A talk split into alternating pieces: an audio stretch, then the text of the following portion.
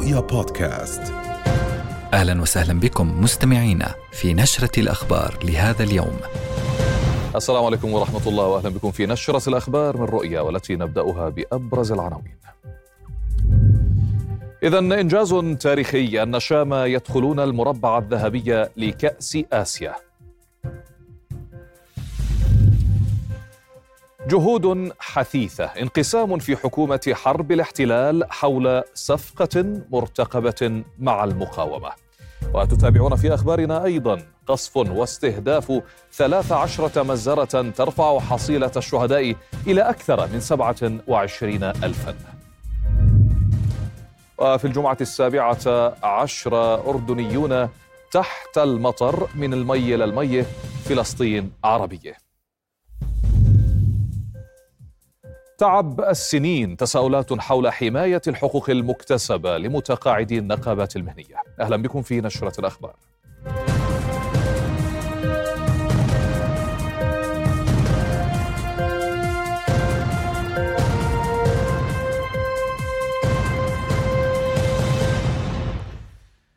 حياكم الله. اذا تأهل تاريخي حققه المنتخب الوطني لكرة القدم بوصوله إلى نصف نهائي كأس آسيا المقامه حاليا في قطر وذلك بعد فوزه على المنتخب الطاجيكي بهدف دون رد في المباراة التي جمعتهما اليوم على استاد أحمد بن علي المونديالي.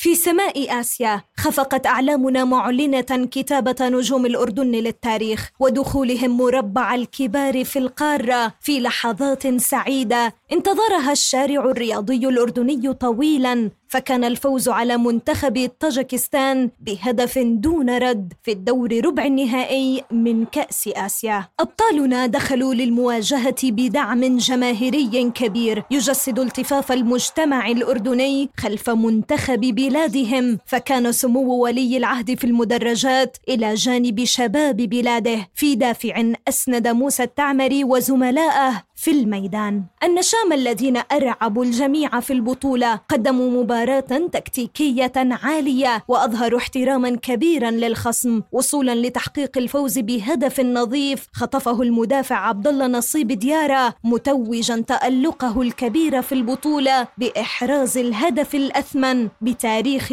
كرة القدم الأردنية. فعلوها النشامة واحد صفر للمنتخب الأردني. النشامة عشرة أهداف في خمس مباريات. هو الرقم الهجومي الأكبر في البطولة. فكان الثلاثي موسى التعمري ويزن عماد وعلي علوان بمثابة الأسلحة الحاسمة. ومن خلفهم أوراق محمود مرضي ونور الدين الروابدة والقائمة تطول. وسيكون النشامة في موعد تاريخي لمواجهة الفائز من مباراة أستراليا وكوريا الجنوبية في مقارعة العمر لممثل الكرة العربية الذي يطالع المشهد النهائي بلهفة وأمل، أمل مدفوع بالعمل على طريق الترجمة لحقيقة. صرح مصدر عسكري مسؤول في القيادة العامة للقوات المسلحة الأردنية أن قوات حرس الحدود ألقت الخميس القبض على أربعة إسرائيليين بعد اجتيازهم الشريط الحدودي. وأوضح المصدر أن التحقيقات كشفت بأن المتسللين اجتازوا الشريط الحدودي من الغرب باتجاه الشرق عن طريق الخطأ وليس من بينهم جنود كما جرى تداوله وتمت إعادتهم بالقنوات والطرق الرسمية. وأهابت القيادة العامة للقوات المسلحة بالمواطنين بعدم تداول الشائعات عبر مواقع التواصل الاجتماعي واستقاء المعلومة من مصادرها الرسمية. في ترقب يسود المشهد وانتظار لما ستسفر عنه المساعي الرامية للتوصل لصفقة تبادل للأسرى قد تمهد لوقف الحرب تتفاقم الخلافات داخل حكومة الاحتلال في ظل تهديد الشركاء بنيامين نتنياهو بالانسحاب من مجلس الحرب وأظهرت نقاشات الإعلام العبري رفضا مطلقا للصفقة المرتقبة من قوى اليمين المتطرف بزعامة وزير أمن الاحتلال إتمار بن خفير ووزير المالية بتسليل سموتريتش إذ اعتبراها انتصارا لحماس ولزعيمها في غزة يحيى السنوار. أما الأصوات المرحبة بالصفقة فقد قالت إنها السبيل الوحيد لاستعادة الأسرى المحتجزين في غزة وإنه من واجب تل أبيب استعادتهم أحياء لأنهم كانوا ضحية إخفاق الأجهزة الأمنية والعسكرية. وكان المتحدث باسم وزارة الخارجية القطرية ماجد الأنصاري قد أعلن أن حركة حماس أعطت تأكيدا إيجابيا أوليا بشأن مقترح الهدنة في غزة وإطلاق سراح المحتجزين. وفي الصفقة المرتقبة يتوقع أن تطلق حماس سراح 35 محتجزا من المرضى وكبار السن مقابل وقف القتال لمدة 35 يوما على أن يتم منح سبعة أيام أخرى للتفاوض على إطلاق سراح الجنود الإسرائيليين وأفراد الاحتياط المحتجزين في غزة عند انتهاء تلك الفترة. تواصل قوات الاحتلال اليوم التاسع عشر بعد المئة قصفها المكثفة على مناطق مناطق متفرقة من قطاع غزة. مخلفة شهداء وجرحى وسط تصاعد المأساة الإنسانية ونزوح أكثر من 75% من سكان القطاع إلى خارج منازلهم التي دمرها القصف. وأفادت وزارة الصحة في غزة بارتكاب الاحتلال 13 مزارة راح ضحيتها 112 شهيدا و148 مصابا في آخر 24 ساعة موازاة مع إعلانها ارتفاع عدد شهداء العدوان إلى 27131 فيما بلغ عدد الجرحى ستة أو ستة وستين ألفا ومئتين وسبعة وثمانين. وبينما يواصل الاحتلال حصاره واستهدافه الممنهج للمستشفيات قصف مستودع الأدوية المركزي التابع لوزارة الصحة في مدينة غزة والذي أسفر عن عدد من الشهداء والجرحى. من جانبه أكد الهلال الأحمر بأن مصير فريقه الذي خرج لإنقاذ الطفلة هند ذات الستة أعوام ما يزال مجهولا وذلك بعد مرور 89 ساعة. إلى ذلك قدرت منظمة الأمم المتحدة للطفولة يونيسف بأن نحو 17 ألف طفل في غزة يعيشون دون ذويهم أو انفصلوا عن عائلاتهم. حتى المدارس لم تسلم من إجرام الاحتلال حيث أغارت الطائرات الحربية الإسرائيلية بعدة صواريخ على مدرسة العروبة غرب مخيم الانصراط وسط قطاع غزة دون سابق إنذار حيث كانت تؤوي أعدادا كبيرة من النازحين فأحالتها لكتلة من الدمار. إيش المدرسة عملته من جرم؟ إلا المدرسة بتعلم أولادنا يعني بناتنا. إيش عملته من جرم؟ إيش عملته من جرم؟ هذه هي مناطق الآمنة يعني آه، هل المدرسة هذه آه، بتقاوم؟ هل المدرسة هذه بتحارب؟ كل دول الأوروبية ودول وأمريكا كلها وفرنسا واقفين معاها، إحنا بدنا واحد من دول العالم بس، واحد عربي يستنكر اللي بيصير فينا، يستنكر بدناش يوقف معانا، يستنكر اللي بيصير فينا. وحسبي الله ونعم الوكيل.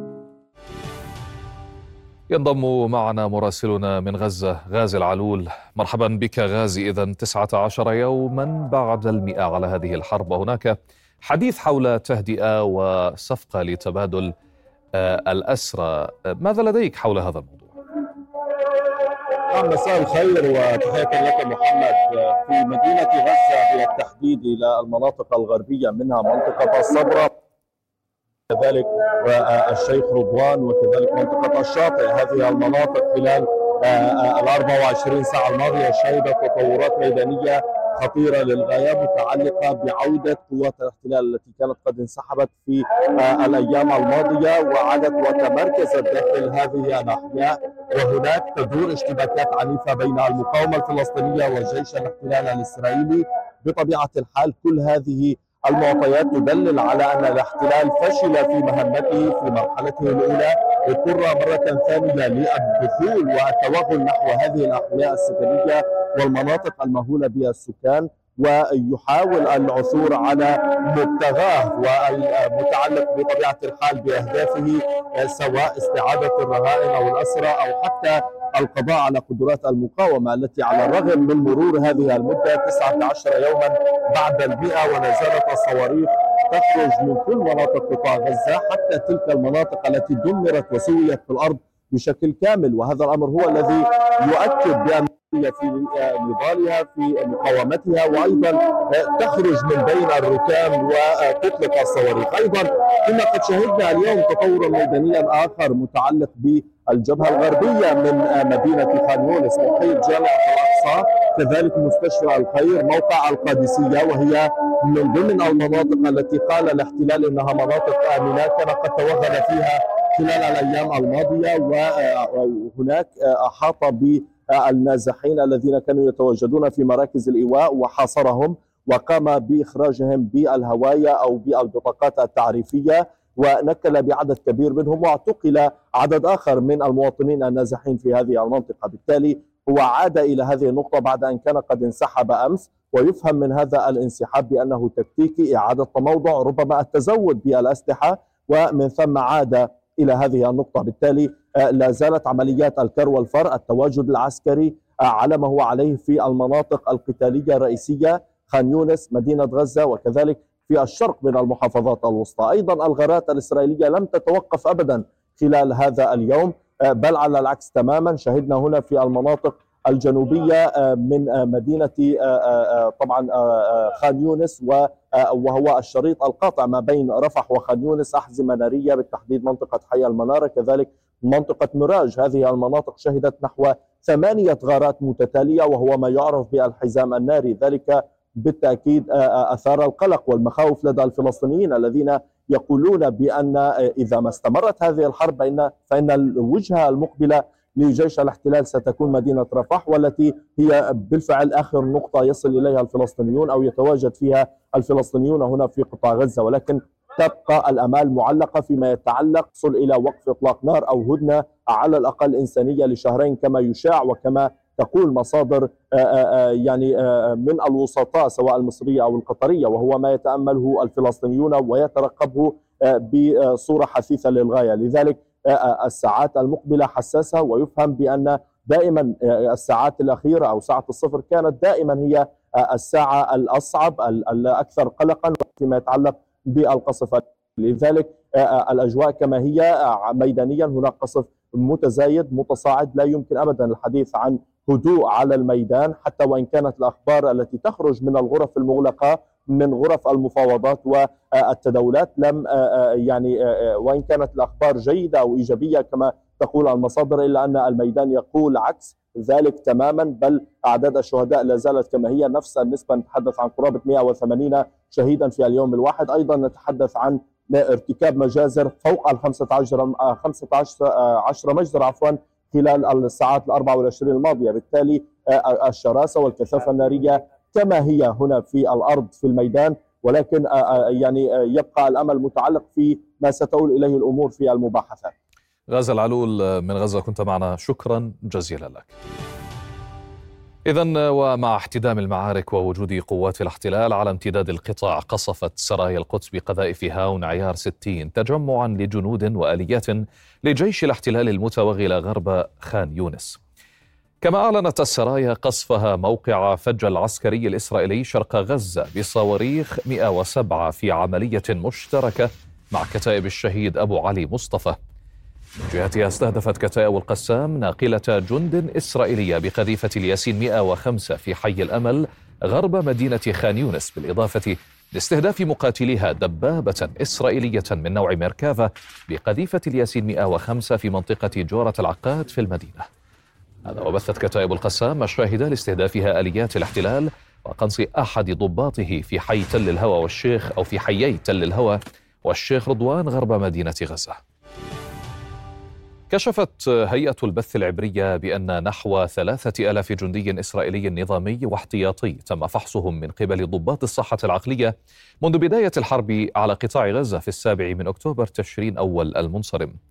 وبحسب الهيئة فقد تم علاج أكثر من ألفي جندي من قبل فرق الاستجابة القتالية على الأرض قرب منطقة القتال بينما تلقى آخرون العلاج في وحدات داخل تل أبيب.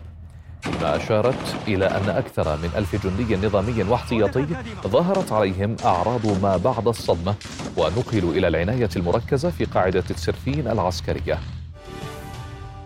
وفي جبهة الجنوب اللبناني يبدو أن الجهود الدبلوماسية لا تنعكس على واقع الميدان المتأجج مع تواصل القصف المتبادل بين حزب الله وجيش الاحتلال الذي استهدف محيط تلة حمامص في سردة بالقذائف المدفعية.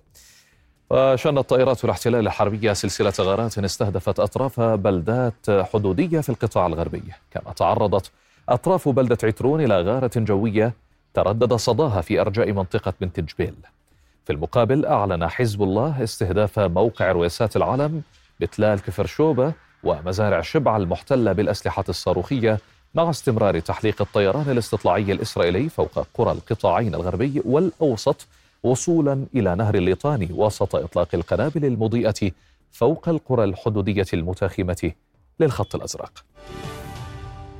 للمزيد تنضم إلينا من بيروت مراسلتنا جوانا ناصر الدين. أهلا بك جوانا اذا قصف متبادل وهناك حراك دبلوماسي ولكن دون جدوى إلى الآن. ضعينا في آخر التفاصيل لديك. نعم مساء الخير محمد. يمكن أن نقول أن كل ما يجري على الجبهة الدبلوماسية إذا أمكن القول لا يعكس الواقع الميداني على جبهة الجنوب اللبناني ولكن كل ما يجري كل هذه الحركة الدبلوماسية وانعكاساتها سنناقشها مع ضيفنا في هذه النشرة الصحفي والمحلل السياسي الأستاذ رضوان عقيل. آه، مساء الخير أستاذ رضوان. أهلا بك معنا آه، آه، بهذه النشرة. اسمح لي أن أبدأ مما يجري إقليميا اليوم. هذا الحراك آه، آه، هذا الكلام عن أي هدنة محتملة أو اتفاق لوقف إطلاق النار آه، في غزة. آه، برأيك كيف يمكن أن ينسحب على الجبهة اللبنانية؟ نحن نعلم أن هذه الجبهة كان عنوانها العريض جبهة إسناد لغزة. ولكن مع كل ما نسمعه من الاحتلال الإسرائيلي خصوصا الآن منذ منذ دقائق قليلة وزير الأمن الإسرائيلي يقول حتى لو توقفت الحرب في غزة آه، نحن لن نتوقف عن قصف حزب الله والجنوب اللبناني. هل برأيك لبنان سيكون جزءا من كل ما يجري في المنطقة بخصوص الهدنة أو وقف إطلاق النار في غزة؟ صراحة لم نتلمس حتى الآن أي شيء عن هذه الهدنة وعن الاجتماعات الأمنية التي عقدت أخيرا في باريس بين أكثر من جهاز مخابراتي وتحديدا الإسرائيلي والقطري تحديدا في هذا الخصوص أي بمعنى حماس كانت حاضرة في هذا اللقاء ولو بطريقة غير مباشرة لكن في تقديري في حال وصول هذا الاتفاق إلى حيز التطبيق على الأرض في غزة بالتأكيد سينسحب على جنوب لبنان أما بالنسبة إلى كل ما نسمعه من طرف الجانب والاحتلال الاحتلال الإسرائيلي والعدو الإسرائيلي هو من باب التهويل على حزب الله، لكن حزب الله يقول بصريح العبارة نحن جبهة إسناد وعندما تتوقف آلة الحرب في غزة بالتأكيد ستوقف العمليات الحربية في الجنوب، لكن لنسلم جدلا في حال أقدم الإسرائيلي على مواصلة مسلسله مسلسله من الاعتداء ضد البلدات الجنوبية ضد المدنيين وضد أهداف المقاومة فإن حزب الله سيستمر وسيبقى بالمرصاد ويوجه الضربات بالمثل للعدو الإسرائيلي، هذا لا يعني أن الحزب سيسلم يسلم بهذا الأمر، لكن بتقديري أن اللعبة الدبلوماسية وبالتأكيد ما نقله بالأمس ديفيد كاميرون وزير الخارجية البريطاني إلى المسؤولين اللبنانيين كانت هناك مسحة تفاؤلية تفيد أنه في حال تم وقف آلة الحرب في غزة هذا الأمر سينسحب على جنوب لبنان. بالنسبة إلى حزب الله الحزب منذ اليوم الأول منذ 8 أكتوبر الفائت عندما شارك في هذه العمليات نحن جبهة إسناد للفلسطين رغم كل الضربات ورغم كل التضحيات التي آه، يقدمها حزب الله في هذا الخصوص. آه، آه، يعني أتيت على ذكر ديفيد كاميرون هو كان آخر الدبلوماسيين الذين أتوا إلى لبنان الحرب ولبنان كما نقول ساحة للحراك الدبلوماسي سفراء وموفدين أوروبيين. العريض هو تطبيق القرار 1701 تجنيب لبنان الحرب الواسعة. كاميرون كان واضح بالأمس تعزيز دور الجيش اللبناني إلى جانب قوات اليونيفيل. في مقابل عدة مواقف للرئيس الحكومي كان واضح فيها أن لبنان أو الحكومة أو الدولة لا تملك قرار الحرب والسلم وحتى كرئيس حكومي ربط جبهة آه، لبنان بجبهة غزة. آه، إذا بدنا نسأل السؤال بطريقة شوي من تعتقد سيطفئ هذه الحرب الدبلوماسية أم حزب الله أم الاثنين معا وأي دور سيكون لحزب الله بالتحديد على طاولة المفاوضات. أولا, أولا بتقديري الموقف اللبناني الذي تم اتخاذه على مستوى الحكومة ومستوى رئيس مجلس رئيس مجلس النواب نبيه بري بتنسيق كبير مع جبهة المقاومة حزب الله. هذا يعني أن الموقف اللبناني كان ثابتا بهذا المحل لأنه من غير المنطق وقف هذه الجبهة وعدم آه، الاستمرار في حالة القلق للإسرائيلي لأن هناك نحو مئة ألف مستوطن صوت هاجروا هاجروا بلداتهم هاجروا مستوطناتهم وهي أرض فلسطينية. لكن ما يعانيه الإسرائيل نحن نعانيه أيضا في جنوب لبنان. في الخلاصة أنا بتقديري العامل الدبلوماسي سيتغلب على آلة الحرب العسكرية. لكن هذا الأمر مفتاح الحل ومفتاح وقف الحرب يبقى في أيدي حكومة نتنياهو. هذه الحكومة اليمينية حتى في اجتماعاتها الأخيرة أمس لم توافق على الهدنة مع الفلسطينيين. فكيف الحال مع حزب الله؟ لأن هناك رأي عند نتنياهو وفريق من حكومته إلى مجموعة من الضباط يظنون أن الفرصة مناسبة الآن لتوجيه ضربة إلى حزب الله لكن بالتأكيد هذه الضربة ستكلف الاحتلال الإسرائيلي ستكلف العدو الكثير. لذلك لن يلجأ إليها بكل هذه السهولة. عندما يلوح بتدمير الضاحية الجنوبية أو تدمير بيروت هذا يعني أن أن تل أبيب وحيفا وكل المدن الإسرائيلية ستكون تحت مرمى نيران آه، المقاومة. خلاصة كل هذه العملية بعد نحن قد نقارب الشهر الرابع على هذا العدوان الإسرائيلي نستطيع القول أن الإسرائيلي لم يستطع تحقيق أهدافه لا مع حركة حماس ولا مع حزب الله. رغم كل التضحيات البشرية والمادية التي قدمها الفلسطينيون التي قدمتها حركة حماس التي قدمها اللبنانيون في شكل عام وإن كان الجنوبي في شكل خاص. أي بمعنى مفتاح الحرب وتوسيع بكار هذه الاعتداءات هو في يد نتنياهو. لكن بتقديري أن ثمة أمور تمنعه من مواجهة كبرى مع حزب الله. أه، أه، بعرف أنك مرتبط بس اسمح لي أستفيد من وجودك معنا. إلى جانب الحراك الدبلوماسي الغربي أه، رأينا عودة سعودية إلى الساحة اللبنانية بعد يمكن جمود نوعا ما. عنوان هذا الحراك كان الفراغ الرئاسي كان في اجتماع لسفراء الدول الخماسية. التقوا رئيس مجلس النواب نبيه بري. كان كان التوجه إنه يجب فصل الأزمات الداخلية وبالتحديد ملف الرئاسة عن الميدان. سمعوا نوعا ما كلام ايجابي من الرئيس بري. وضع يعني بالصحف بخانة البروتوكول والدبلوماسية المعينة لأنه لا يمكن حل أي أزمة داخلية بلبنان. طالما أن جبهة الجنوب مشتعله آه، آه، شو رأيك بعودة السعودية على خط الأزمة اللبنانية؟ هل تعتقد أنه يمكن أحداث ولو أي ثغرة بالأزمة الداخلية بمعزل عما يجري على أرض الجنوب؟ علينا أن نعترف أن أزمة انتخابات الرئاسة في لبنان هي ليست مشكلة فلسطينية. إذا قبل 7 أكتوبر الكتل النيابية مقصرة في القيام في واجباتها. هذا واجب دستوري مطلوب من النواب ال 128 القيام بهذا الواجب وانتخاب رئيس جمهورية. لكن نتلمس في الآونة الأخيرة أن حراكا جديدا تقود تقوده الخماسية أنها على رأي واحد بعد التجربة الفرنسية الفاشلة. واليوم لا يستطيع المفد الفرنسي لدوريان أن يقول أنا أتحدث باسم فرنسا فقط إنما باسم كل هذه المجموعة. ردا على سؤالك إلى إلى التدخل السعودي هذا التدخل الإيجابي أنا في تقديري. السعودية هذه المرة أخذت تفعل ماكينتها السياسية نظرا إلى تأثيرها على مساحة كبيرة من النواب اللبنانيين. لكن هذه المهمة جميلة من طرف الخماسية هذا أمر جيد. نشكر كل الخماسية لكن تبقى المعضلة اللبنانية. أنا بتقديري حالة العناد وحالة المناكفات بين الكتل النيابية لا لا تستطيع الآن أن لا نستطيع الآن أن نقول أن طريق أصبحت معبدة لانتخاب رئيس جمهورية لأن المشكلة اللبنانية تبقى 100% وصحيح أن هناك عوامل خارجية بس ولكن هذه الخلافات وهذا التباعد بين الكتل النيابية بدليل ما شاهدناه قبل أيام في جلسة مناقشة الموازنة الكتل النيابية كانت هناك متاريس داخل البرلمان اللبناني. هذه المتاريس أنا بتقديري ما زالت موجودة ما زالت باقية تمنع انتخاب رئيس جمهورية بمعزة عم يجري في الجنوب. علما أن رئيس مجلس النواب نبيه بري فضلا عن الأمين العام لحزب الله السيد حسن نصر الله قال بصريح العبارة نحن مع هذا الفصل لأنه في حال استمرت آلة الحرب الإسرائيلية من الأفضل للبنان من الأفضل أن نكون أن يكون هناك رئيس جمهورية لأنه في حال الوصول إلى مفاوضات كبرى بعد في اليوم التالي يتطلب وجود رئيس جمهورية. فكيف الحال؟ نحن من دون رئيس لا نستطيع أن نعمل. فكيف الحال في ظل هذا الفراغ وظل هذا الشعور الرئاسي المفتوح؟ أنا بتقديري كل يوم تأخير عدم انتخاب رئيس جمهورية هذا الأمر يضر بكل المصلحة اللبنانية. شكرا كثير أستاذ رضوان على هذه المشاركة معنا على كل هذه الإيضاحات والتحليل.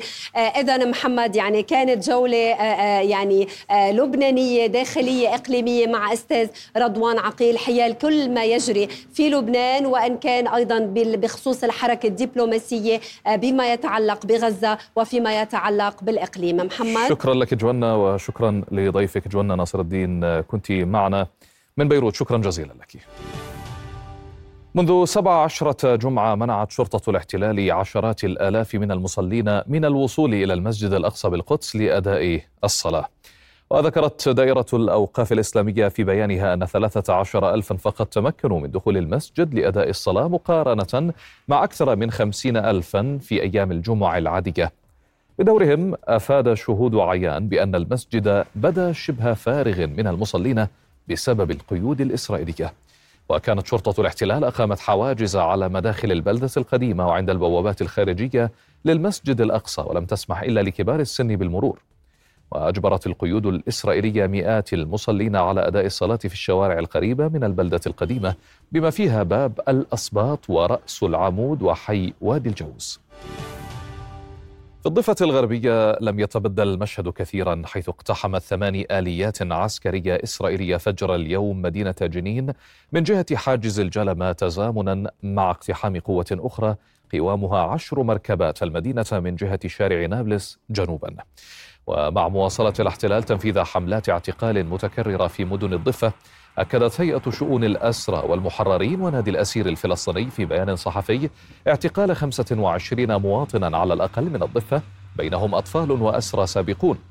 وتركزت عمليات الاعتقال في بلدة باقة الحطب بمحافظة قلقيلية فيما توزعت بقية الاعتقالات في محافظات طول كرم وجنين طوباس والقدس.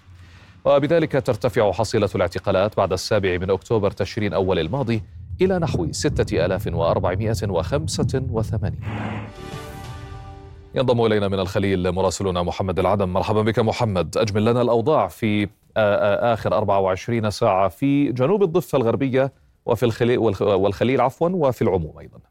مرحبا بك. يعني قبل قليل اعتقلت قوات الاحتلال أحد الشبان بعد أن أطلقت الرصاص على مركبه كان يقودها في حارة الجعبري في مدينة الخليل وقامت بإيقاف المركبه واعتقال هذا الشاب دون إبداء أي تفاصيل عن الحالة الصحية له أو حتى ظروف إطلاق النار على هذه المركبه وهو الحدث الثاني الذي يقع في هذه المنطقة على مدار اليومين الماضيين بعد أن استهدفت مركبه كانت تسير يوم أمس على الشارع العام بعدة رصاصات وقامت باعتقال عدد من الشبان بداخلها. نادي تسير هذا اليوم أشار لقيام قوات الاحتلال باعتقال 25 مواطنا خلال حملات المداهمة التي طالت معظم أرجاء ومدن الضفة الغربية. وهنا تحدثت على أن العدد الكلي وصل إلى 6500 معتقل منذ السابع من أكتوبر قبل أن يتم الإفراج عن البعض منهم. يعني عمليات الاقتحام طالت مدن جنين وريحة وبيت لحم والخليل والعديد من المخيمات الفلسطينية.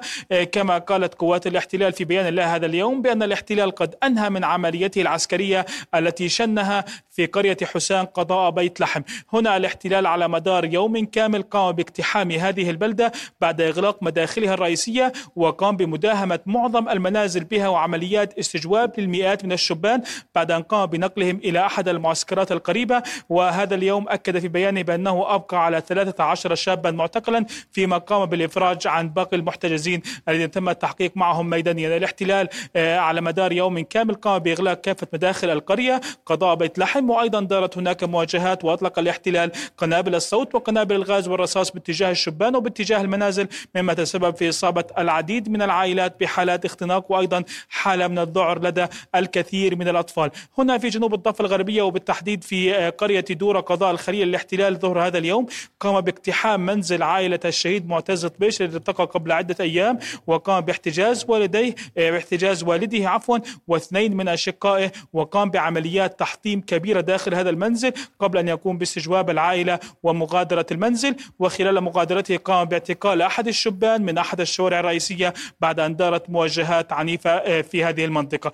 أيضا نتحدث كما ذكرتم أن قوات الاحتلال شددت من إجراءاتها في محيط المسجد الأقصى في هذا اليوم وبالتحديد في موعد صلاة الجمعة حيث منعت المئات من الوصول إلى صلاة الجمعة وهي الإجراءات التي تقوم باتباعها منذ السابع من أكتوبر من خلال فرض طوق عسكري شامل وكبير في محيط المسجد الأقصى المبارك. أشكرك محمد العدم مراسلنا من الخليل كنت معنا. شكرا جزيلا لك. في استهداف هو الثاني بغضون أيام شن طيران الاحتلال الإسرائيلي عدة غارات استهدفت محيط منطقة السيدة زينب التي تسيطر عليها مجموعات موالية لإيران في ريف العاصمة دمشق. وافاد موقع إخباري إيراني شبه رسمي بمقتل مستشار من الحرس الثوري بضربة إسرائيلية في دمشق. وذلك بعد إعلان سوريا عن اعتراض دفاعها الجوي صواريخ إسرائيلية أطلقت من الجولان المحتل واستهدفت جنوب العاصمة دمشق. ولم يصدر تعليق رسمي من إيران عن خسائر الضربة الإسرائيلية كما لم يعلق الجيش الإسرائيلي على الغارة. من جانب آخر أفادت صحيفة يديعوت أحرونوت بأن إسرائيل شنت هجوما على مقر الحرس الثوري الإيراني في منطقة السيدة زينب قرب دمشق. وكانت رويترز نقلت عن مصادر مطلعة بأن إيران قلصت نشر ضباط الحرس الثوري الكبار في سوريا بعد سلسلة الضربات الإسرائيلية المميتة التي استهدفت وجوده ومصالحه هناك وأسفرت عن مقتل ستة من كبار مستشاريه. زادت الظروف الجوية الباردة من مأساة النازحين الذين يعيشون في خيام لا تقيم لا تقيم قسوة البرد القارس وسط شح في الغذاء والدواء. في هذه الأجواء الباردة يعاني الفلسطينيون النازحين هنا في غرب رفح الأمرين بالنظر إلى الأجواء الباردة والأمطار الغزيرة التي ما زالت تهطل منذ يومين بالإضافة إلى عدم توفر المقومات الأساسية للحياة هنا في هذه الخيام بالإضافة إلى عدم توفر الملابس الدافئة التي يحتاجها الأطفال داخل هذا المخيم. طبعا إحنا من الشمال أجينا هنا نصبنا الخيمة هذه أخذناها زي ما أنت شايف وحاطينها زي ما أنت شايف قماش. مش نايلون اشترينا من النايلون؟ النايلون يتمزع معنا طبعا في الهواء بيطلع وبنزل بتمزع النايلون. يعني على الداير امبارح الليلة سحبنا حنا وشردنا عند دار على خيمة الجيران عشان نايلون شردنا عندهم ضلهم قاعدين عندهم. لما زي ما انت شايف الجو يعني صار صافي هيك ورجعنا على الخيمة نظبط الأمور. والله بالليل اشتد الريح جدا وبعدين صار يتساقط علينا مطر والمطر شديد جدا لدرجة إنه يعني أنت زي ما أنت شايف هذه كلها خيم يعني إحنا نايلو مش فيش مادة يعني قوية اللي تعزل الشتاء. فيدخل علينا الشتاء أحيانا من الباب أحيانا من الخلف. آه قعدنا نلقط المية يعني هيك بال هل متوفر؟ قطع القماش المتوفرة ونعصر برا. والأولاد يعني انت عارف الليل بيرجفوا وهذا السقعة والبرد الشديد بسبب أمراض كثيره والله أقول لك بالكاد. يعني الحمد لله إحنا معظم المدارس معظم الملابس عفوا والأغطية شريناها شرايع آه شريناها شرايع ومكلفة جدا.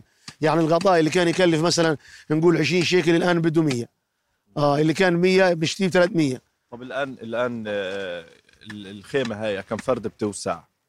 هي في الوضع العادي المفروض يعني ثلاثة أربعة لكن إحنا قاعدين 10 فيها. وخيمة أخويا زيها 10 وخيمة سيبه 10 إيش عملتوا لما تبللت الخيمة أو دخلت عليها المي إيش سويتوا؟ وين رحتوا؟ والله قعدنا ننظف خيمة خيمة. يعني بدينا من الأول نظفنا الخيمة الأولى وقعدنا الأولاد فيها. والنسوان الصغار. النسوان والأولاد الصغار. بعدين دخلنا على الخيمة الثانية قعدنا نعصر المية ونطلع. آه وأنت عارف طول الليل بيرجفوا بسقعه برد شديد. آه. إيش اللي بتسووه قاعدين تنشروا حطب بدنا نعمل لهم يعني وجبة أكل الله يعني هيك ربنا ييسر للجميع. فيش وقود. فاشترينا حطب وبنولع الحطب هذا عشان نقدر نجهز لهم وجبة أكل ياكلوها. آه. المستعان أنت عارف الغاز يعني شيء جدا. وكمان حتى لو توفر غالي جدا. آه. يعني أنت لو بدك تجيب جرة غاز اللي كنا نعبيها ب 70 شيكل الآن بدها 200 جره الغاز الفاضية اللي ما فيش فيها الحاجة 400 شيكل. 400 شيكل جرة الغاز. وطبعا الحرب يعني تعرف 120 يوم تقريبا. مكلف جدا. قد ما يكون معك مصاري قد ما يكون معك فلوس خلصت.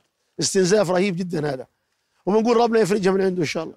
آه. إن شاء الله إن شاء الله الحل قريب. هي أوضاع آه، آه، متردية للغزيين هنا داخل هذا المخيم بالنظر إلى عدم توفر الأساسيات الحقيقية للمعيشة داخل هذه الخيام. الفلسطينيون هنا يحاولون تدبر أمورهم آه، بأبسط آه، الأشياء. الحطب هو الوقود الخيمة هي المنزل. الفراش بالكاد يكفي لتغطية الصغار وتدفئتهم في ظل هذه الأجواء. غازي العلول من غرب رفح رؤيا. قال مسؤول في حزب المعسكر الإسرائيلي أنه إذا ساد الانطباع لديهم أن رئيس الوزراء الإسرائيلي بنيامين نتنياهو يرفض صفقة الأسرى لاعتبارات سياسية فسينسحبون من الحكومة. ونقلت صحيفه هآرتس عن المسؤول الإسرائيلي أنه إذا أعلن نتنياهو عن حكم عسكري في غزة فسننسحب من الحكومة الإسرائيلية. للمزيد المزيد حول هذا الموضوع ينضم إلينا من رام الله أمين عام حركة المبادرة الوطنية الفلسطينية. دكتور مصطفى البرغوثي مرحبا بك دكتور مصطفى. اذا اليمين يقول إذا قبل صفقة التبادل وإيقاف هذه الحرب سننسحب من هذه الحكومة. وأيضا يتحدثون هنا أيضا عن أنه إذا لم يقبل بهذه يعني المعاهدة أو هذه الصفقة أيضا سينسحبون من الحكومة. ما الذي يجري الآن مع نتنياهو؟ نتنياهو يعيش الآن بين نارين في نار آه، جماعة الفاشية من طراز سموتريش وبن كبير الذين يهددونه بأنهم سينسحبوا من الحكومة إذا أبرم الصفقة. ومن ناحية أخرى جانس وإيزنكوت وآخرين آه، من المعارضة أصلا يهددون بأنهم سينسحبون إذا ظنوا أنه يعطل الصفقة لأسبابه السياسية. في جميع الأحوال آه، هذه مظاهر للأزمة الأساسية والأزمة الأساسية مضمونها أنه بعد حوالي 120 يوما من العدوان على قطاع غزة إسرائيل فشلت في تحقيق أهدافها. فشلت في اقتلاع المقاومة فشلت في استرداد الأسرى فشلت في فرض سيطرتها على المناطق التي دخلتها دباباتها وفشلت في فرض التطهير العرقي وهو كان العمود الفقري لأهداف هذه العملية الإسرائيلية. ومن ناحية أخرى إسرائيل تعاني ونتنياهو يعرف ذلك من خسائر بشرية لا تستطيع احتمالها بسبب المقاومة وتعاني من خسائر اقتصادية هائلة قد تودي باقتصادها وهو على حافة الهاوية وتعاني من خسائر أخلاقية ومعنوية وأبرز مظاهر ذلك قرار محكمة العدل الدولية الذي فعليا اتهم إسرائيل بالإبادة الجماعية وهذه كبرى الكبائر.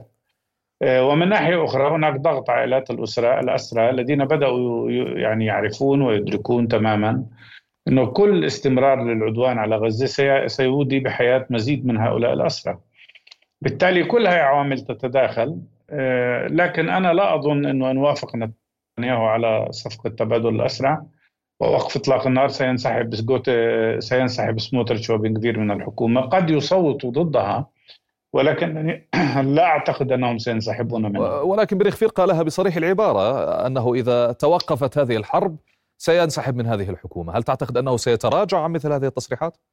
نتنياهو سيلعب ويناور سيدعي أنه لم يوقف الحرب ولكنه أوقف إطلاق النار فقط لفترة معينة من الوقت. وبعد ذلك سيمتد الأمر. سنرى ما الذي سيحدث ولكن بن كبير وسموتريتش يعتبران أن الموضع الذي اللي هم فيه الآن من أحسن الأوضاع لأن لديهم مقدرات الحكومة لتمويل الاستيطان بشكل غير محدود ولتوسيع الاستيطان الشرس الجاري وللتحكم فيما يجري في السجون تجاه الأسرى الفلسطينيين وفي وفي الأمن الداخلي الإسرائيلي. بالتالي ليس من السهل عليهم أن يقرروا الخروج من الحكومة وهم يعرفون أن خروجهم يعني انهيار الحكومة. وانتخابات جديدة لن تعود بهم إلى الحكم. لذلك هم سيحسبوها بشكل مختلف. المهم الآن كيف نخفف الضغط عن أهلنا في غزة؟ وكيف يتم الوصول إلى وقف إطلاق النار؟ وكيف يتم إيصال مساعدات إنسانية حقيقية؟ جيد. لأن الناس في حالة صعبة جدا. طيب دكتور كيف تقيم ما رشح من تسريبات حول آه، آه، الصفقة التي آه، ستعقد بين الاحتلال وبين المقاومة الفلسطينية؟ حتى الآن لا شيء مؤكد ولكن تجري مشاورات بالتأكيد. والهدف المركزي هو أن يكون هناك وقف إطلاق نار يتحول إلى وقف نضاء إطلاق نار دائم. والحديث يدور الآن قبل قليل عن وقف إطلاق نار قد يستمر لحوالي 140 يوما. بعد 140 يوما من وقف إطلاق النار سيكون من الصعب جدا على الجيش الإسرائيلي أن يستأنف عملياته. على كل حال المقاومة تعرف وتصر على أنه هي لن تعطي الأسرى جميعا لإسرائيل ثم تعود إسرائيل لمهاجمة قطاع غزة من جديد. آه، الحديث قد يدور عن صفقة تستمر على مراحل. آه، في المرحلة الأولى يفرج عن جزء من الأسرى وخاصة كبار السن والجرحى. وبعد ذلك تخضع عمليات التبادل طبعا. لتبادل آه، يشمل الطرفين بمعنى أنه عدد كبير من الأسرى الفلسطينيين آه، ذوي الأحكام العالية والذين ترفض إسرائيل حتى الآن الإفراج عنهم سيتم الإفراج عنهم. وبالتالي ستكون فيها في في هذه الصفقة نوع من التكافؤ. أه، دكتور يعني نحن نحن تكلمنا عندما تمت الموافقة على صفقة سابقا لتبادل الأسرى. تكلمنا أنها قد تكون مثل عام 2014 هذه الصفقة سيتبعها صفقات وهدى جديدة ومن ثم إيقاف للحرب. ولكن تبين لاحقا أن هذه الحرب لها طابع خاص مختلف تماما وأن هذه الهدن لا توقف الحرب نهائيا. هل باعتقادك أن هذه الهدنة التي يتفاوضون عليها قد تنهي فعليا آه، آه، الحرب وقد تمدد إلى أجل غير مسمى؟ هذا الاحتمال قائم مع ملاحظة أن إسرائيل تريد أن تفرض في قطاع غزة أوضاع مشابهة تماما لما هو موجود الآن في الضفة الغربية. لاحظ أنها تعيد نشر جزء كبير من قواتها من غزة والهدف الرئيسي بالنسبة لها هو الاحتفاظ بإمكانية قصف وتدمير غزة بشكل متواصل ودون توقف. وأن تدخل قواتها من فترة إلى أخرى إلى أماكن مختلفة. ولذلك يتحدثون في إسرائيل عن عملية تستمر سنوات. ما الواقع هم يتحدثون عنه إعادة احتلال غزة بالكامل عسكريا. بس هم يعرفون أنه لا يستطيعوا البقاء داخل غزة لأنه في مقاومة ويعرفون أنهم لم يستطيعوا القضاء على المقاومة. يعني يعني إلقاء, إلقاء الجيش الإسرائيلي داخل آه، آه، قطاع غزة هو كأنك تلقي به إلى التهلكة آه، بين يدي طبعا. المقاومة. العنصر الحاسم في الحرب الجارية حاليا نقطة واحدة م. لو نجحت إسرائيل في تطهير عرقي وإخراج سكان قطاع غزة من غزة لكنا نعتبر لكانت اعتبرت نفسها منتصرة وفعلا ستكون منتصرة لأنه عندها ستقوم بتدمير كل ما هو في غزة وتضمها لإسرائيل م. الآن بقاء الفلسطينيين في غزة رغم الثمن الهائل الذي دفع نحن نتحدث عن حوالي مئة ألف شهيد وجريح شيء رهيب لم يحدث في أي حرب سابقة. م. رغم ذلك بقاء الشعب الفلسطيني في غزة أفشل الهدف الإسرائيلي. وبقاء الشعب يعني بقاء المقاومة. وبقاء المقاومة يعني أن إسرائيل لا تستطيع أن تبقى في غزة. هاي هي المعادلة بكل وضوح. وهذا أيضا فتح الأبواب على شيء آخر. يعني العالم الآن يرى الاحتلال بعد أن أعمى عينيه عن رؤيته. الآن العالم يرى نظام الأبرتايد والتمييز العنصري الممارس ضد الفلسطينيين العالم الآن يرى ومحكمة العدل الدولية ما زالت تلاحق إسرائيل لم تنتهي محكمة العدل الدولية وهي تنتظر تقريرا من إسرائيل بعد شهر. والعالم يرى المأساة التي يعيشها الشعب الفلسطيني ولكن ولكن ولكن ما ما جرى يعني في محكمة العدل الدولية قبل أسبوع هذا القرار الذي خرجوا به دكتور؟ يعني وكأن نتنياهو فهم من محكمة العدل الدولية أنه معك شهر؟ قم بقتل من تستطيع قتلهم وسنعاود التحقيق معك ثانية. ليس هكذا بالضبط ابدا لأنه قرار محكمة العدل الدولية رغم أنه كان قصر في الواقع عن إصدار أمر بوقف العمليات القتالية فورا ورغم أنه في ثغرة ثانية أنه تحدث عن الأسرى الإسرائيليين ولم يذكر بكلمة الأسرى الفلسطينيين هذا كمان ثغرة أخرى. لكن بشكل عام الست قرارات التي أصدرتها المحكمة آه، لا يمكن تنفيذها بدون وقف إطلاق النار. وهي اولا آه، وقف عمليات القتل ضد المدنيين. ثانيا وقف وقف عمل آه، منع الجيش الإسرائيلي من القيام بقتل الفلسطينيين. ثالثا إيصال المساعدات الإنسانية بشكل كامل. رابعا عدم تدمير أي أدلة تدل على وقوع جريمة الإبادة الجماعية. خامسا منع أي شكل من التحريض ومحاسبة من يقوم بالتحريض. كل هذا معا لا يمكن تنفيذه وتقديم تقرير بشأنه وهي النقطة السادسة إلا بوقف إطلاق النار. ما في طريق آخر. بالتالي إما أن توافق إسرائيل على وقف إطلاق النار وفي هذه الحالة الصفقة تمثل مخرجا لها و... و... وعندها تستطيع أن تقدم تقريرا كما تقول أو ستجد نفسها نعم. متهمة مرة أخرى ومطالبة بوقف العمليات بقرار من محكمة العدل الدولي دكتور ذكرت أن آه، يعني الاحتلال الإسرائيلي فشل بتهجير أهالي قطاع غزة. هل باعتقادك أن يعني هذا التهجير قد يعني تم إفشاله أم ما زالت هناك محاولات إسرائيلية مع الجانب المصري لإقناعهم باستقبال اللاجئين في سيناء؟ المحاولات لم تتوقف والإغراءات المالية لم تتوقف والولايات المتحدة كانت داعمة لهذا الأمر في البداية. نعم. لو نجحوا ولكن فشلوا. ومصر تعرف والأردن يعرف تماما أنه تهجير الفلسطينيين في قطاع غزة يعني البدء بتهجير الفلسطينيين في الضفة الغربية أيضا. وهذا يشكل خطر على الأمن القومي لكلا البلدين. ومصر تعرف ما هي الأعباء التي ستنجم عن تهجير الفلسطينيين إلى سيناء، سيناء كلها ستصبح منطقة فاقدة للأمان. وهذا سيؤدي إلى اشتباكات مع إسرائيل بالتأكيد.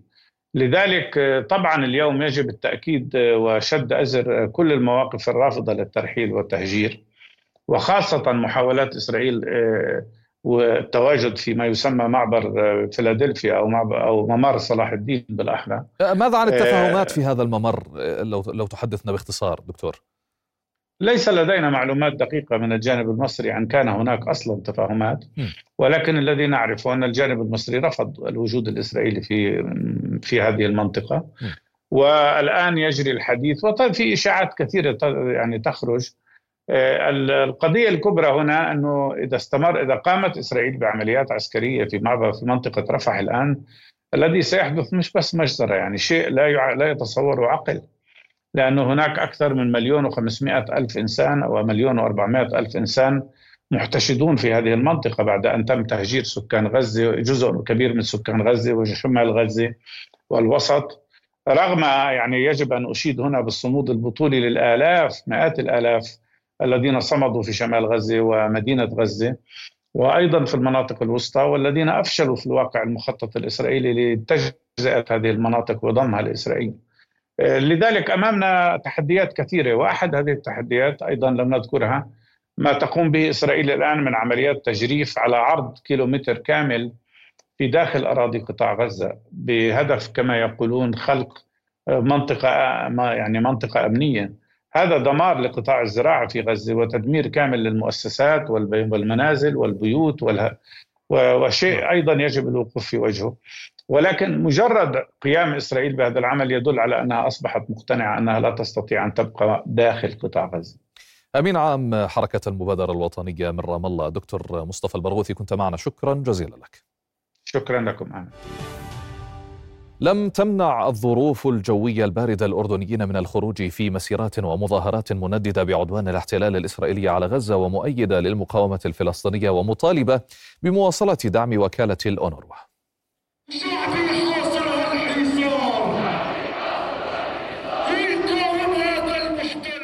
رغم الظروف الجوية الصعبة لم يتوانى الشعب الأردني عن الخروج في المسيرات والوقفات الاحتجاجية في الجمعة السابعة عشرة من العدوان على قطاع غزة المنكوب.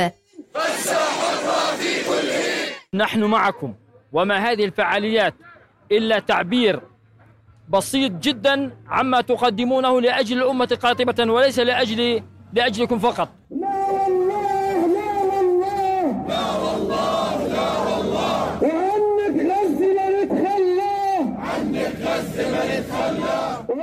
صدح صوت هتاف المسيرات من عمان ومن عدة محافظات على غرار ستة عشرة جمعة سابقة.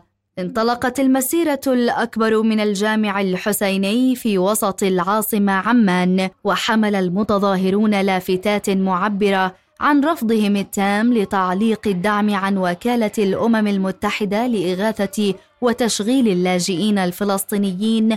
أونروا. نؤكد أننا شعب واحد وأمة واحدة حتى لو اختلفت مشاربنا ومواقعنا الجغرافية فإن مصيرنا واحد وأن قضيتنا واحدة وغزة منتصرة بإذن الله. مستمرين في الدفاع عن غزة وشعبها صامدين مرابطين آه، نحن جميعا الشعب آه، الأردني. وهنا أوجه رسالة للكيان الصهيوني القذر.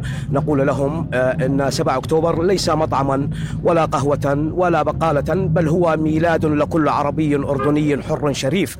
وسوف بإذن الله كسرت هيبتكم وقهر جيشكم وتحطمت آمالكم على أسوار آه، غزة العتيدة.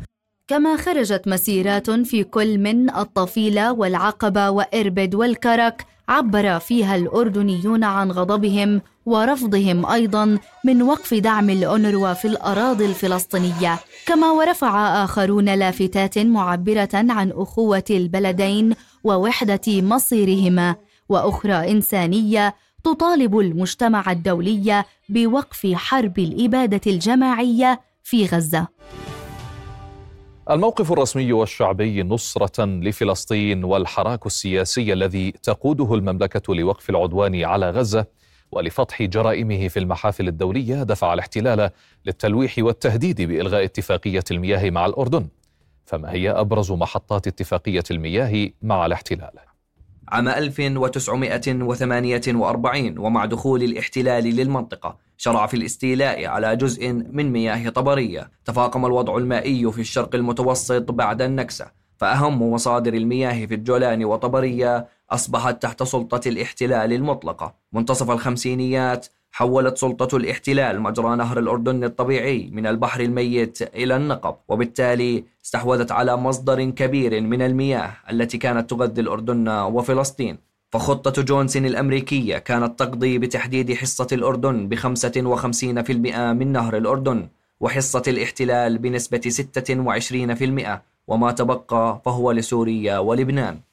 رفض الاحتلال الخطة وظل يستخدم المياه كورقة ضغط حتى عام 1987 بدخول اللاعب السوري على خط المواجهة باتفاق على اقتسام مياه نهر اليرموك على أن لا يزيد عدد السدود على الجانب السوري عن 28 سدا لكنها ارتفعت مع ارتفاع الحاجة للمياه إلى 46 سدا على حوض نهر اليرموك. الملف المائي أخذ حيزا مهما في اتفاق السلام أو ما يعرف بمعاهدة وادي عربة الذي حدد حصصا مائية ولحقه بروتوكولات وتوافقات رسمية وشفوية حتى طويت صفحات هذا الملف بوفاة الراحل الحسين بن طلال. منذ ذلك الوقت يواجه الأردن كيانا رافضا للاتفاقات المبرمة مهددا بوقف كافة أشكال التعاون في مجالي المياه والطاقة إذ ما ظل الأردن كما كان دوما ثابتا على موقفه من قضيته العادلة القضية الفلسطينية. وإلى جانب الجبهتين العسكرية والقانونية جدد الاحتلال مؤخرا جبهة الصراع على المياه فيما تؤكد الحكومة أنها اتخذت كافة الاحتياطات اللازمة في مواجهة تهديدات الاحتلال. قال السفير البولندي خلال رعايته حفل اختتام جمعية أردن أخضر مشروع تعزيز الزراعة المستدامة بالطاقة الشمسية إن المشروع يهدف لتعزيز المزارعين وتمكينهم عبر توفير أربع تقنيات حديثة للري بواسطة استخدام الطاقة الشمسية وللوصول إلى الاستدامة الزراعية وتوفير حلول لأزمة المياه. أربعة مشاريع لاستدامة الزراعة بأم قيس بقيمة 28 ألف يورو أعلن عن تمويلها بمنحة من السفارة البولندية لتكون مشاريع متطورة وحديثة تعتمد على الري بواسطة الطاقة الشمسية الأمر الذي يوفر على المزارعين ماليا ومائيا. في تقديرات تصل إلى ثلثي مصروفهم. بداية كانت في عنا صعوبة بالغة في آه، ري المشتل. كان الري التقليدي. آه، كان بياخذ مني آه، جهد ووقت كبير. يعني كنت تقريبا ثلاث ساعات لأربع ساعات يوميا بفصل الصيف وأنا أروي النبات. فبهاي التقنية ساعدتني كثير إنه تكون أسرع وتخفيف من نسبة هدر المياه. أول كنت أسقي على الطريقة التقليدية الخزانات زي ما أنتم شايفينها آه، حاط بربيش وأمسك البربيش وعلى كل زيتونة آه، أسقي. آه، الآن طبعا النظام بس اشغله أوتوماتيك بيشتغل وبكون يسقي بالزيتون وبكون في له عيار وفي طبعا توفير. وهذا بكون على مدار السنة. بس أنا علي إني أجيب تنكات مي أحطهم بالخزانات وأشغل النظام والنظام بكون يشتغل لحاله. وأنا بشجع أي مزارع إنه يعمل هذا النظام لأنه بوفر عليه جهد ومي. سلوكيات سلبية اعتاد عليها المزارعون في الري. تسعى جمعية أردن أخضر البيئية من خلال المشروع لتجاوزها. وتعميم فوائد التجربة من خلال توفير أربعة تقنيات حديثة للري بواسطة استخدام الطاقة الشمسية للوصول إلى الاستدامة الزراعية وتوفير استهلاك في الماء بنسبة تصل إلى 65% بالحد الأدنى. رؤية مشروعنا تتماشى مع رؤية جلالة الملك أنه نحكي أكثر عن موضوع شح المياه آه، اللي بيأثر بشكل مباشر على القطاع الزراعي بالأردن. وخصوصا بمنطقة أم قيس بما أنها هي منطقة سياحية زراعية فالأراضي هون كتير بتتأثر بموضوع شح المياه. فحبينا أنه نركز نساعد بعض من المزارعين أنه نركب لهم تقنية بتشتغل على الطاقة الشمسية عشان يقدروا آه، تساعدهم بري مزروعاتهم. This is we are here now in أم قيس today. نحن هنا في أم قيس اليوم مع جمعية أردن الأخضر منظمتنا الشريكة. هنا في شمال الأردن بوليش إيد التي تقوم بتنفيذ مشروع أسسته المنظمة في إطار ما نسميه المنح الصغيرة وتبلغ قيمته نحو 30 ألف يورو. وهو أحد المشاريع التي تم الإعلان عنها ودعمها من قبل السفارة البولندية في عمان. في كل عام لدينا دعوة لتقديم عطاءات ويمكن للمنظمات التقدم مباشرة إلى السفارة. ويستهلك القطاع الزراعي 51% من موارد المياه العذبة في الأردن وفقا لمنظمة الفاو. عدا كونه القطاع الأكثر عرضة لتغيير المناخ وندرة المياه لذا تسعى الاستراتيجية الوطنية للمياه لتقليل استنزاف المياه العذبة عن طريق زيادة استخدام المياه المستصلحة للزراعة المروية واستخدام وسائل الري الأكثر كفاءة وتوسيع الزراعة البعلية وتجميع مياه الأمطار. ضرار غنام رؤيا. قدم ثمانون مهندسا زراعيا شكوى لنقابتهم احتجاجا على إقدامها على خصم 25% من الراتب التقاعدي وتحويلها إلى صندوق تحوطي جديد تحت مسمى صندوق أمانات. ورأوا في هذا التوجه تجاوزا للقانون رافضين استنباط حل لمشكلة نقص السيولة في صندوقهم التقاعدي على حساب المنتفعين منه. مساس بالكرامة. بهذه الكلمات يصف المتقاعدون الزراعيون قرار نقابتهم. التي يعدونها بيتهم وكانوا حجر أساس لها منذ البدايات مؤكدين أن قرار النقابة باقتطاع 25% من قيمة الراتب التقاعدي بدءا من كانون الأول ديسمبر الماضي مجحف لهم. النقابة قامت على أكتافنا إحنا إحنا الجيل الوسط الجيل اللي أسس هذه النقابة وصندوق التقاعد تأسس على ظهورنا منا إحنا. كنا ندفع 36 دينار بالشهر لما كان راتبنا 70 دينار. وأنا هلأ راتب التقاعدي 180 دينار إجمالي الرواتب 180 دينار وفي قدامى المتقاعدين رواتبهم تقاعدية 70 دينار. تخصم منه ربع الراتب. شو ضل لنا أنت أصلا ما كل شهر علي وكمان تخصم علي ربع الراتب. وين الحياة الكريمة؟ تؤكد النقابة اتخاذها جملة إجراءات إدارية ومالية. بهدف إيجاد مصادر مالية جديدة وبديلة في وجه التحديات المتراكمة والتي تثقل كاهل النقابة وتعيق تقدمها وأعمالها التطورية تم رفع الاشتراكات على الزملاء العاملين وأيضا السير باستثمارات وتوفقنا بحمد الله من بخمس استثمارات وتشكيل لجنة لتحصيل الذمم المستحقة على الزملاء والبالغة ما يقارب 25 مليون دينار. وكانت النقابة قد أجرت دراسة اكتوارية وأصدرت نتائجها ليتم تطبيقها في شهر نيسان المقبل. اليوم إذا بدنا نتجاوز هذه الأزمة الحقيقة يجب أن لا يتم التعاطي مع أسهل الخيارات. اولا يجب أن يتم تحصيل الأموال المترتبة على الزملاء هذه قضية مهمة إدارة الأموال بصورة كفؤة وبإدارة يعني كفؤة الحقيقة في كل الموارد المالية والقضية الثالثة إنه إنه يجب يجب إشاعة الثقة بين الزملاء وما بين الهيئة العامة أو بين الصندوق. جميع الأطراف ترى في حمل الملف إلى القضاء مصلحة تحقق العدالة. في الوقت الذي يصل فيه عدد المتقاعدين من المهندسين الزراعيين إلى ثلاثة آلاف ومئتين. أسامة الخطاطبة رؤيا.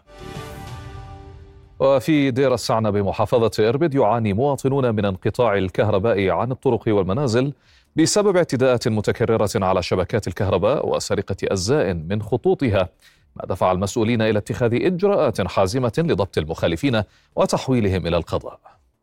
هذه الشوارع لم ترى النور ليلا منذ أسابيع ليعود ذلك بالضرر البالغ على سالكيها من بلدة دير السامي بلواء الطيبة بمحافظة إربد. إن تقريبا أسبوعيا بنعاني في من قطع الإنارة في الشوارع. وهذا مسبب لنا إزعاج لنا ولأبنائنا. فنحن نستخدم الشارع وعشرات المنازل يعني حول الشارع بيستخدموا أبنائهم الشارع هذا وفي الليل بنتضرر السيارات باستمرار موجودة وكلاب ضالة وأمور كثيرة يعني. وخاصة مع دخول موسم الشتاء يعني أنتم عارفين كيف بصير في إزعاجات كثير عندنا. تفاجأنا قبل ما يقارب تقريبا ثلاثة أسابيع بانقطاع الإنارة من الشوارع. مما سبب إزعاج إلى أبنائنا وبناتنا ولنا نحسن ونفس وجميع المارين هذه من هذه الطريق. كون هذه الطريق تربط منطقة لواء الطيبة مع إربد ومع على طريق إربد عمان. فإحنا بنطالب المسؤولين إنهم الإسراع في حل هذه المشكلة حفاظا على سلامة أرواحنا وأبنائنا. اعتداءات عبثية على الشبكة الكهربائية وسرقة أجزاء من خطوط المحولات الكهربائية هو السبب الرئيسي لانقطاعات الكهرباء عن الطرق والمنازل. فبعد الاتصال مع فريق الطوارئ بشركة الكهرباء وتتبع الموضوع تبين سرقة الكابلات وهذه السرقة الرابعة في منطقة لواء الطيبة حيث أن هناك عدة مناطق في منطقة مندح ووادي البير تم التعرض للسرقة بنفس الطريقة كابلات نحاسية تم إزالتها كامل المحولات كاملة. تلك الاعتداءات المتكررة حاولت كوادر شركة كهرباء إربد إصلاحها من خلال ورشها الفنية وضمن مناطق الاختصاص. وردت العديد من الملاحظات خلال الفترة الماضية للشركة بخصوص حدوث حالات اعتداء على الشبكة الكهربائية والعبث عليها. طبعا هذا أدى إلى انقطاع التيار الكهربائي في بعض المناطق. الفرق الفنية توجهت إلى المواقع وقامت بمعالجة هذه الأعطال وإعادة الوضع مثل ما هو عليه من حيث الكوابل أو الشبكات الكهربائية. طبعا بعض هذه الشبكات من اختصاص جهات أخرى غير شركة كهرباء إربد ما نود التأكيد عليه في هذه الجزئية ونشدد عليه أنه حالات الاعتداء على الشبكة الكهربائية تمثل جرم سيتم ملاحقة من يقوم بها قانونيا والشركة لا تألو جهدا في متابعة مثل هاي الحالات واتخاذ الإجراءات القانونية اللازمة بذلك. وما يزال عمل جار على كشف المتسببين بسرقة الكوابل والمحولات. لتحويلهم إلى القضاء. تعتبر الأسواق الشعبية متنفسا في العطل الأسبوعية إلا أن أسواق وسط البلد في العاصمة عمان التي اشتهرت بازدحامها يوم الجمعة تبدو شبه خالية من المتسوقين في مشهد لم يعتاده التجار. من هذا الزقاق يأخذك الطريق إلى أكثر أسواق وسط البلد نشاطا عرفه الأردنيون. بينما لا يخلو اليوم من شيء. إلا من المتسوقين. وضع سيء لدرجة لا توصف. ما عم بطلعوا أجاراتهم ما بطلعوا حتى أجار موظفينهم ما عم بطلعوها لأنه ما في قوة شرائية. قوة شرائية ما في. وأنت شايف هي اليوم الجمعة كان هذا يوم الجمعة الصبح إحنا يقول لك نتمتع في البيع والشراء نغني على البضاعة عشان يعني من كثر ما فيه بيع وشراء. كان يكفيك أن تدخل هذه السوق لتكاد أن تمر إلى باقي أزقته من كثرة المتسوقين. أما اليوم فيتأرجح مصير التجار هنا كما البضاعة الراكدة على أرفف المحال. شارع طلال يكون كلياته ينقل نخل. كانت الناس أولاد البلد مصاروا يجوا يشتروا. يعني كان في حركة. هلا الأيام هذه بينزلوا لو صاروا على 11 ينزلوا على العشرة ونص عشان ما في شغل. يعني مرات بتفتح يوم الجمعة ما بتستفتحش. إحنا في وسط البلد ما بنعتمد على الزباين أولاد البلد. بنعتمد على السياح. لأنه ابن البلد بيطلع على المول بيشتري له ولاولاده بالسيارة وبصف وبتغدى وبروح. إحنا في وسط البلد مراق طريق. إذا في سياح هينا اشتغلنا ما في سياح ولا عمرنا راح نشتغل. ورغم شعبية السوق وتدني أسعار السلع فيه إلا أن الواقع الاقتصادي الضاغط على جيوب المواطنين حرمهم من لذة التسوق صباح يوم الجمعة. أخف من أول يعني أكثر بكثير يعني بعد هذا والرواتب هي يعني كمان كل شو هذا يعني الحركة مش زي ما كانت بالأول. يعني بتقع عادية مثلا زي الضمان مثلا مبكر وهذا. تشتري زيادات ولا شيء يعني باخذ 200 ليرة بضل 200 ليرة. فالتسوق طبعا بده يكون خفيف. يعني صعب صعب جدا يعني. يعني هيني الزلمه أنا ختيار وكذا وشيء والله ما بتلاقيش مرار معي اجار الطريق إني أروح على بيتي. صدقا بضطر يعني أمشي مشي للبيت. ربما لا يعرف المتسوقون الحائرون في تبديل الأولويات هنا ما خلصت إليه موازنة العام وربما لا يعنيهم هذا إلا أن جيوبهم ستكون المغذي الرئيس لها.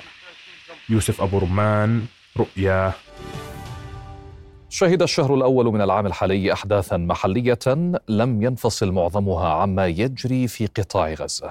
لم تغب غزة عن الأحداث الأبرز في هذا العام فقد افتتح العام بتصريح من وزير الخارجية أيمن الصفدي. أكد فيه على ضرورة وقف حرب الإبادة الجماعية في غزة مشيرا إلى أن العام الجديد سيكون عام الموت ما لم يتم إحباط أجندة نتنياهو. وفي أول جمعة من العام الجديد لم تختلف عن أيام النضال السابقة للشعب الأردني.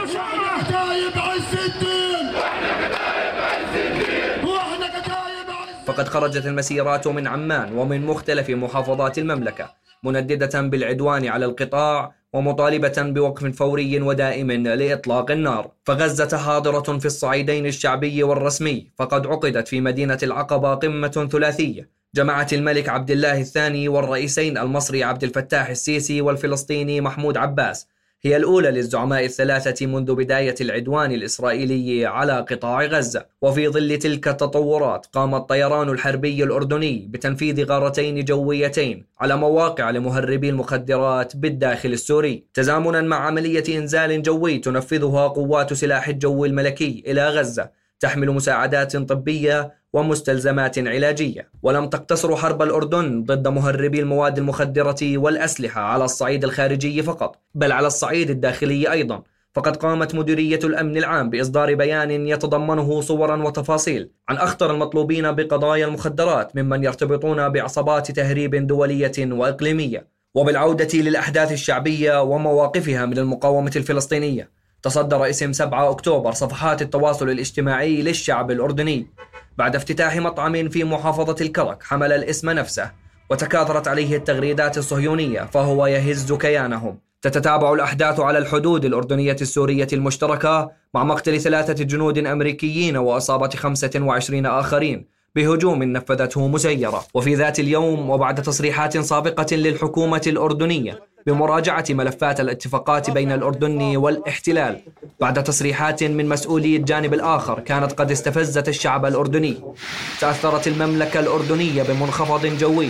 رفع نسبة السدود إلى 115 مليون متر مكعب في يوم واحد نتيجة الهطول المطري الكثير. وفي ظل المنخفض الجوي لم تغب غزة ومعاناتها عن تحركات جلالة الملك عبد الله الثاني السياسية. فقد أكد جلالته في اتصال هاتفي مع الأمين العام للأمم المتحدة. ضرورة مواصلة المجتمع الدولي بدعم وكالة الأمم المتحدة لإغاثة وتشغيل اللاجئين الفلسطينيين أونروا للاستمرار في تقديم خدماتها الإنسانية وفق تكليفها الأممي كما بحث جلالته في اتصال آخر مع الرئيس المصري عبد الفتاح السيسي الجهود الجارية لتهدئة الأوضاع في غزة وإنفاذ المساعدات الإنسانية العاجلة لأهالي القطاع.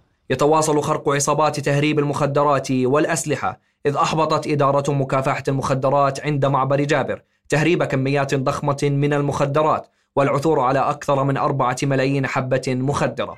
ويستمر العطاء الملكي بافتتاح جلالة الملك عبد الله الثاني ابن الحسين وولي العهد سمو الأمير الحسين مقرا جديدا للقيادة العامة للقوات المسلحة مقرا يمتاز بالحداثة والتطور. وصلنا لختام هذه النشرة في أمان الله.